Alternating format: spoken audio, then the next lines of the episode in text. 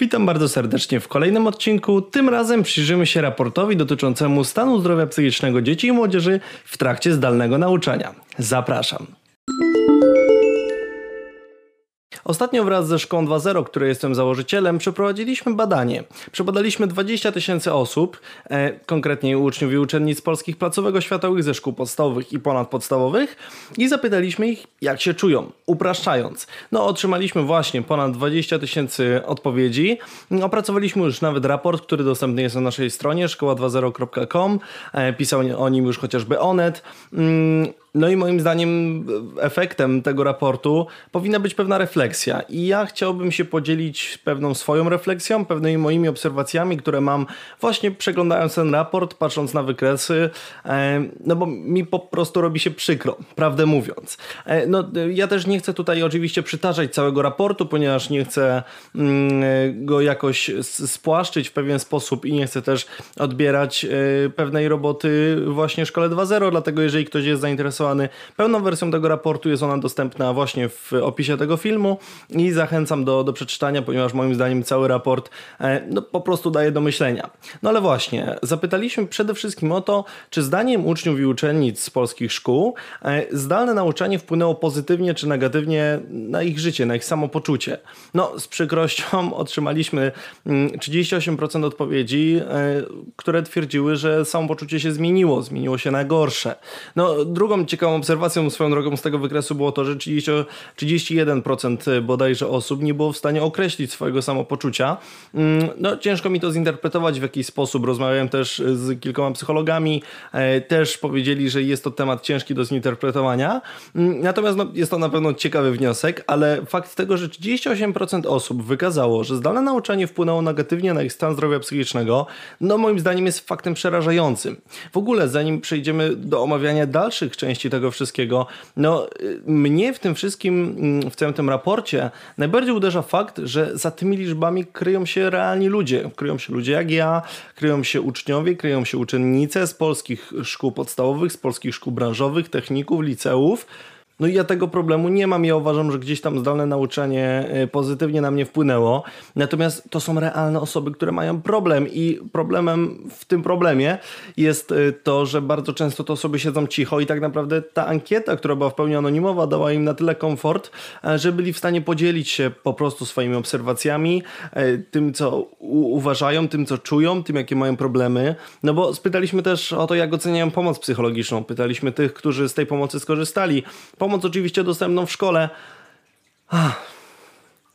Tutaj może wrzucę wykres. No, uważam, że y, jest on bardzo przerażający jeżeli 50% uczniów z praktycznie każdej szkoły sugeruje, że pomoc jest tak naprawdę w skali od 0 do 10 oceniana na 0, 1, 2, 3 albo 4 no to moim zdaniem powinniśmy się w pewnym momencie zastanowić e, i zastanowić się też, w którym miejscu jest błąd, no bo tak naprawdę błąd nie, może, nie musi być kon kon konkretnie w tym, że jest taki, a nie inny psycholog w szkole i tak dalej. Błąd może leżeć tak naprawdę w zupełnie innym miejscu ale powinniśmy się zastanowić, w którym.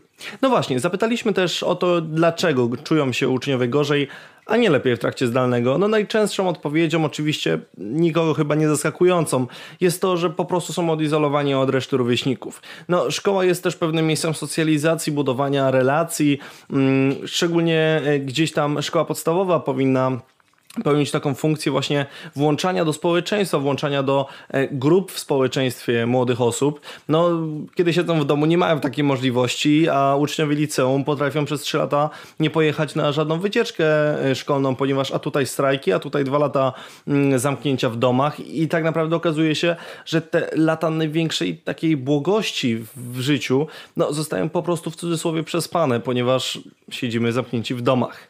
E, no, na drugim miejscu była bardzo ciekawa odpowiedź, która przyznam szczerze, że mnie osobiście zaskoczyła, ponieważ bodajże 25% badanych wykazało, że ich zdaniem na pogorszenie ich stanu zdrowia psychicznego wpłynął natłok materiału. Wpłynęło to, że tego materiału jest zbyt dużo, jest nie do końca dobrze tłumaczony i z jednej strony mnie to zdziwiło, ale z drugiej strony doskonale to rozumiem. Sam jestem świadkiem wielokrotnie sytuacji, w których jesteśmy dostawiani z materiałami działem sami w 100%, e, a w klasach młodszych jestem świadkiem wielokrotnie, jak rolę nauczyciela pełnią rodzice, co moim zdaniem nie powinno mieć w ogóle miejsca.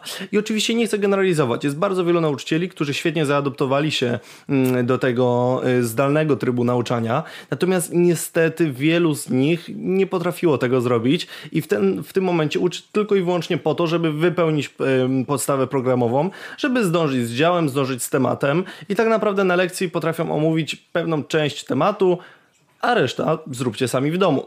No i właśnie, moim zdaniem nie do końca powinno to tak wyglądać. E, No, moim zdaniem tak naprawdę w ogóle zdalne nauczanie jest w pewien sposób ośmieszeniem polskiego systemu edukacji i jest w pewien sposób też no, wykazaniem tego, że no, ten system nie jest de facto gotowy na żadną zmianę większą.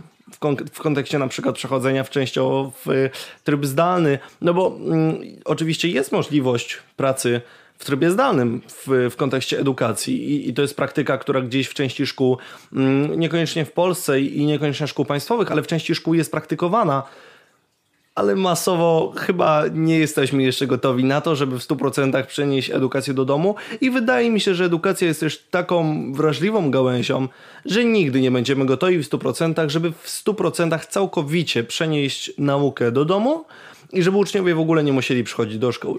Szczególnie w kontekście szkół branżowych, które przecież muszą mieć praktyki, Szczególnie w kontekście szkół podstawowych, które przecież no, muszą się integrować, muszą spełniać też e, tą rolę społeczną. Ale w kontekście liceum przecież również. Do liceum no, nikt nie idzie tylko i wyłącznie po to, żeby się uczyć, bo każdy też chce spędzić fajnie czas. Oczywistym jest to, że nauka jest na pierwszym miejscu, e, ale no, mimo wszystko idziemy tam też po to, żeby spędzać czas z rówieśnikami, żeby budować relacje nowe i tak dalej, i tak dalej. No, niestety jesteśmy tego pozbawieni w przypadku nauczania zdalnego i taka jest moja konkluzja z tego wszystkiego. Jeżeli ktoś chce przeczytać cały raport, zachęcam jeszcze raz, on jest dostępny w komentarzu. Jeżeli słuchacie tego w wersji podcastowej, on jest dostępny w opisie podcastu. Zapraszam do, do tego, żeby zajrzeć sobie e, i, i, i naprawdę przeczytać, ponieważ moim zdaniem on daje do myślenia. I to, co jeszcze raz jest warte powtórzenia i podkreślenia, mnie w tym wszystkim najbardziej przeraża nie fakt tego, jak duże to są liczby. Mnie przeraża fakt tego, że za każdą tą liczbą kryją się prawdziwi uczniowie. Bo czy to jest 10%, 20, 30, 40 czy 50%?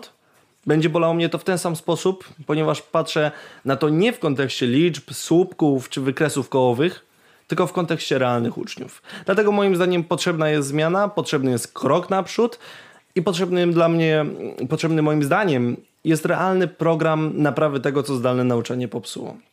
Dziękuję bardzo serdecznie za wysłuchanie tego odcinka. E, Zachęcam do podzielenia się swoim zdaniem w komentarzu, do zostawienia pozytywnej reakcji. Do usłyszenia.